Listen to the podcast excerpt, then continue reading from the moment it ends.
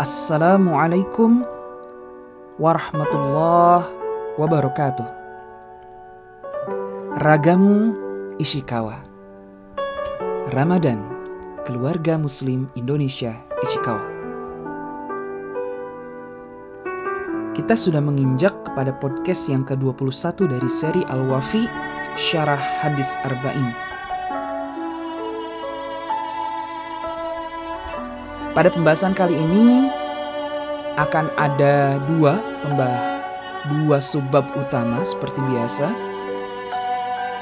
Yang pertama adalah urgensi hadis dan yang kedua adalah kandungan dari hadis. Dalam kitab ini disebutkan ada tujuh kandungan. Mohon maaf, ada delapan kandungan. Sebelum saya membacakan tentang urgensi dari hadis, Pertama saya akan coba membacakan mengenai isi dari hadis ke-21. An Abi Amr Waqila Abi Amrah Sufyan ibnu Abdullah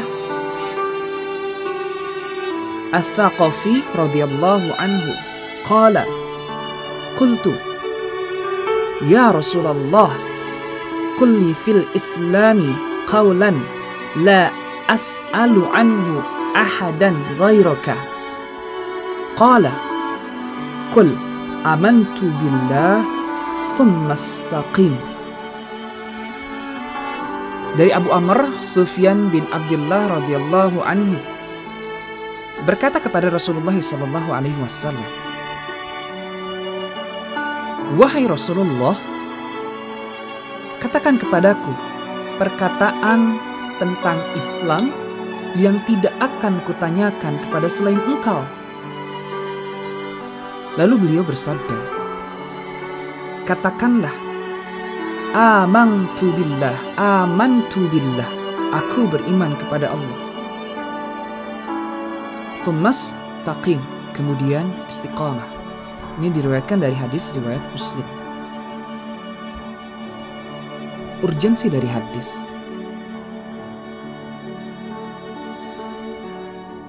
Hadis ini termasuk jawami'ul kalim yang hanya dimiliki oleh Nabi Shallallahu Alaihi Wasallam. Meskipun hanya dua kalimat yaitu iman dan istiqamah, namun dapat menerangkan kepada orang yang bertanya kepada beliau tentang seluruh dasar Islam. Namun dapat menerangkan kepada orang yang bertanya kepada beliau tentang seluruh dasar Islam. Sebagaimana diketahui bahwa Islam pada dasarnya adalah tauhid dan ketaatan. Islam pada dasarnya adalah tauhid dan ketaatan. Tauhid terwujud dengan keimanan kepada Allah, sedangkan ketaatan terwujud dengan istiqomah, yaitu merealisasikan seluruh perintah dan menjauhi seluruh larangan yang meliputi pekerjaan hati dan anggota badan. Allah berfirman dalam surat Fusilat ayat 6. Maka tetaplah pada jalan yang lurus menuju kepadanya dan mohonlah ampun kepadanya. Berikutnya kita masuk ke kandungan hadis yang pertama. Kandungan hadis yang pertama ini tentang pengertian istiqomah. Bahwa Rasulullah Shallallahu Alaihi Wasallam bersabda, katakanlah, saya beriman kepada Allah, lalu beristiqomah. Atau dalam riwayat lain, katakanlah Tuhanku adalah Allah, lalu istiqamahlah. Atau juga dalam firman Allah, sesungguhnya orang-orang yang mengatakan Rob kami ialah Allah, kemudian mereka meneguhkan pendirian mereka, maka malaikat akan turun kepada mereka dengan mengatakan, "Janganlah kamu merasa takut, dan janganlah kamu merasa bersedih, dan bergembiralah kamu dengan memperoleh surga yang telah dijanjikan Allah kepadamu." Ini surat Fusih, Fusilat ayat 30. Dan ada juga firman Allah di surat Al-Ahqaf ayat 13. Sesungguhnya orang-orang yang mengatakan Rob kami adalah Allah kemudian mereka tetap istiqamah maka tidak ada khawatiran terhadap mereka dan mereka tidak pula berduka cita.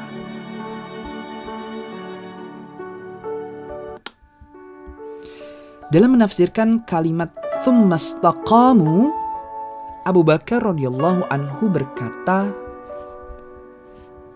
tiada menyekutukan Allah sedikit pun. Juga berkata, kemudian mereka tetap teguh bahwa Allah adalah Rob mereka. Demikian pula diriwayatkan oleh Umar ibnu Khattab radhiyallahu anhu membaca ayat tadi di atas mimbar lalu berkata, istiqomahlah untuk menaatinya. Dan janganlah berbolak-balik seperti musang. Semua pendapat ini berakhir ke satu muara, yaitu istiqomah. Istiqomah dalam mentauhidkan Allah Subhanahu wa taala secara sempurna. Al-Kushairi berkata, Istiqomah tingkat sempurnanya suatu perkara. Dengan adanya istiqomah akan tercipta kebaikan. Dan barang siapa yang tidak memiliki sikap istiqomah, maka semua usaha yang dilakukannya akan lenyap. Al-Wasid berkata, istiqomah adalah etika yang menjadikan sempurnanya berbagai kebaikan.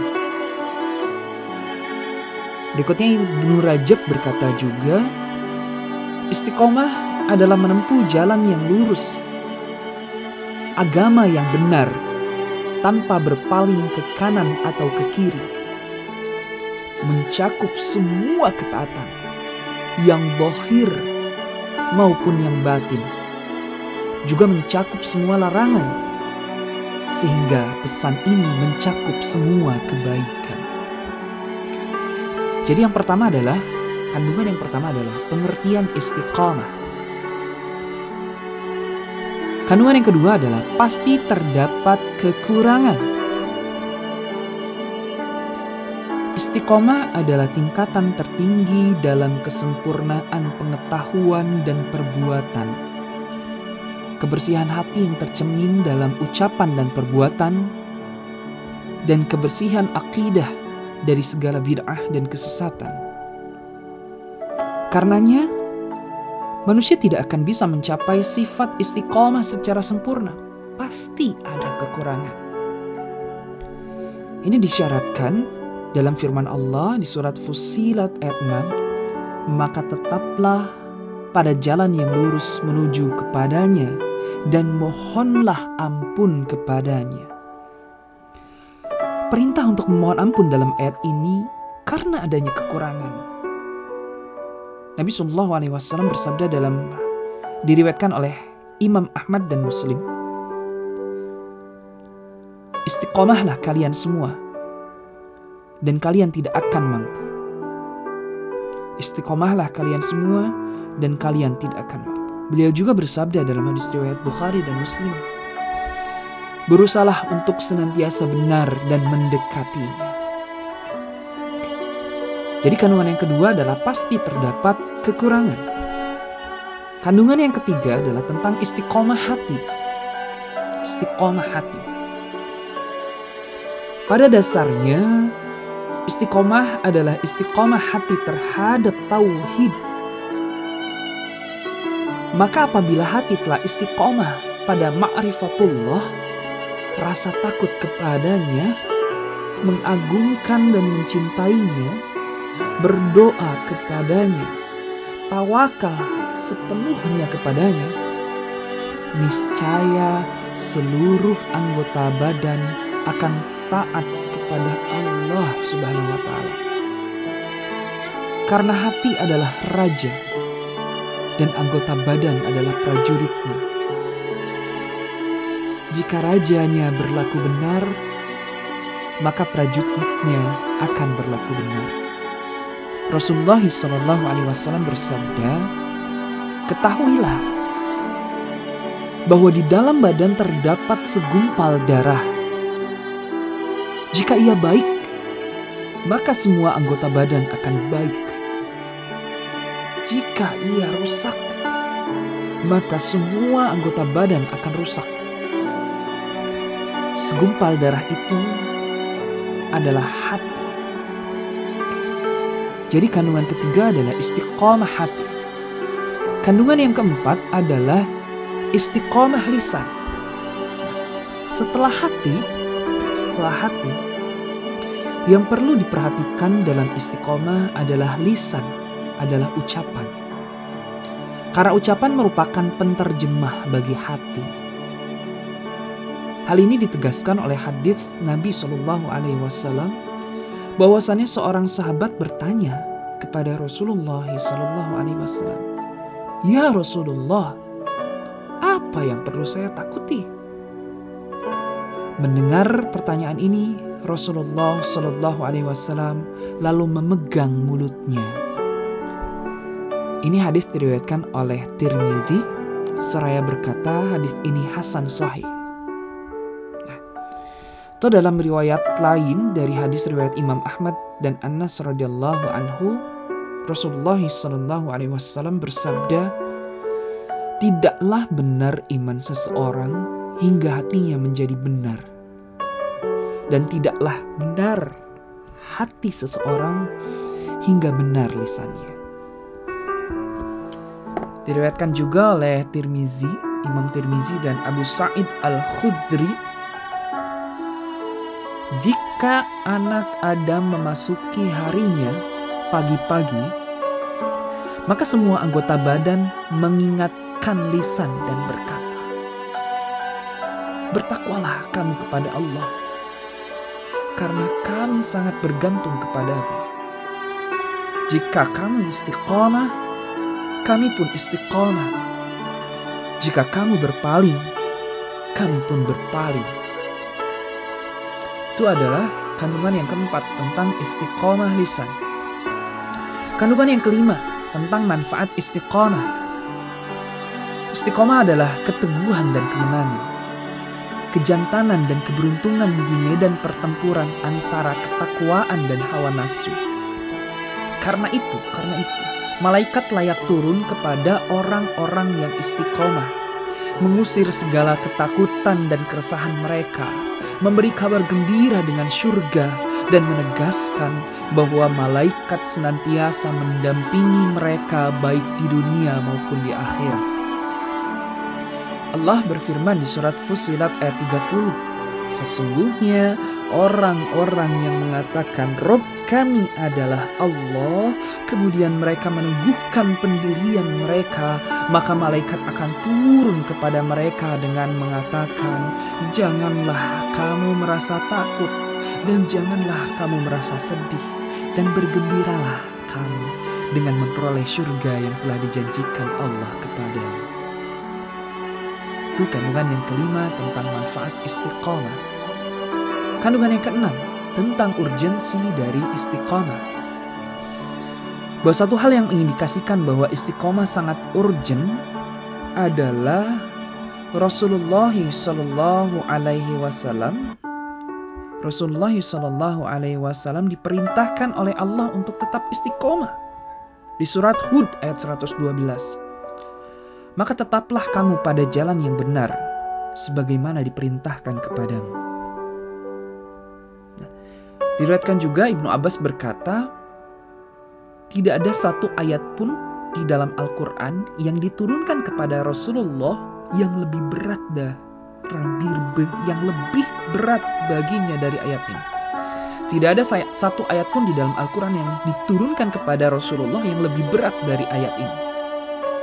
Ketika itu para sahabat bertanya kepada Rasulullah SAW, Mengapa engkau cepat berubah ya Rasulullah? Beliau menjawab, itu karena ayat-ayat pada surat Hud. Itu karena ayat-ayat pada surat Hud. Berikutnya diriwayatkan Hasan radhiyallahu anhu berkata, ketika turun ayat ini Rasulullah SAW sangat serius dan tidak pernah terlihat tertawa. Al-Kusyairi menyebutkan bahwa seorang salah seorang sahabat bermimpi bertemu Rasulullah SAW. Ia berkata kepada beliau, "Ya Rasulullah, engkau bersabda bahwa uang ubanmu disebabkan oleh surat Hud. Bagian manakah?" Beliau menjawab, firman Allah, maka istiqomahlah sebagaimana diperintahkan kepadamu. Itu adalah urgensi dari istiqomah. Urgensi yang keenam. Berikutnya, urgensi yang ketujuh dan kedelapan. Yang ketujuh, hadis ini memerintahkan untuk istiqomah dalam masalah tauhid dan ikhlas beribadah kepada Allah SWT. Dan kandungan yang terakhir, yang kedelapan, hadis ini merupakan bukti keinginan yang kuat dari para sahabat untuk mempelajari agamanya dan menjaga keimanannya. Sekian seri podcast Ragamu Ishikawa kali ini. Semoga Ramadan kita semakin berkah dan semua ibadah yang kita lakukan diterima oleh Allah Azza wa Jalla. Sampai jumpa di seri podcast Seragamu Isi Kawa berikutnya. Ramadan Keluarga Muslim Indonesia Isi Kawa. Wassalamualaikum warahmatullahi wabarakatuh.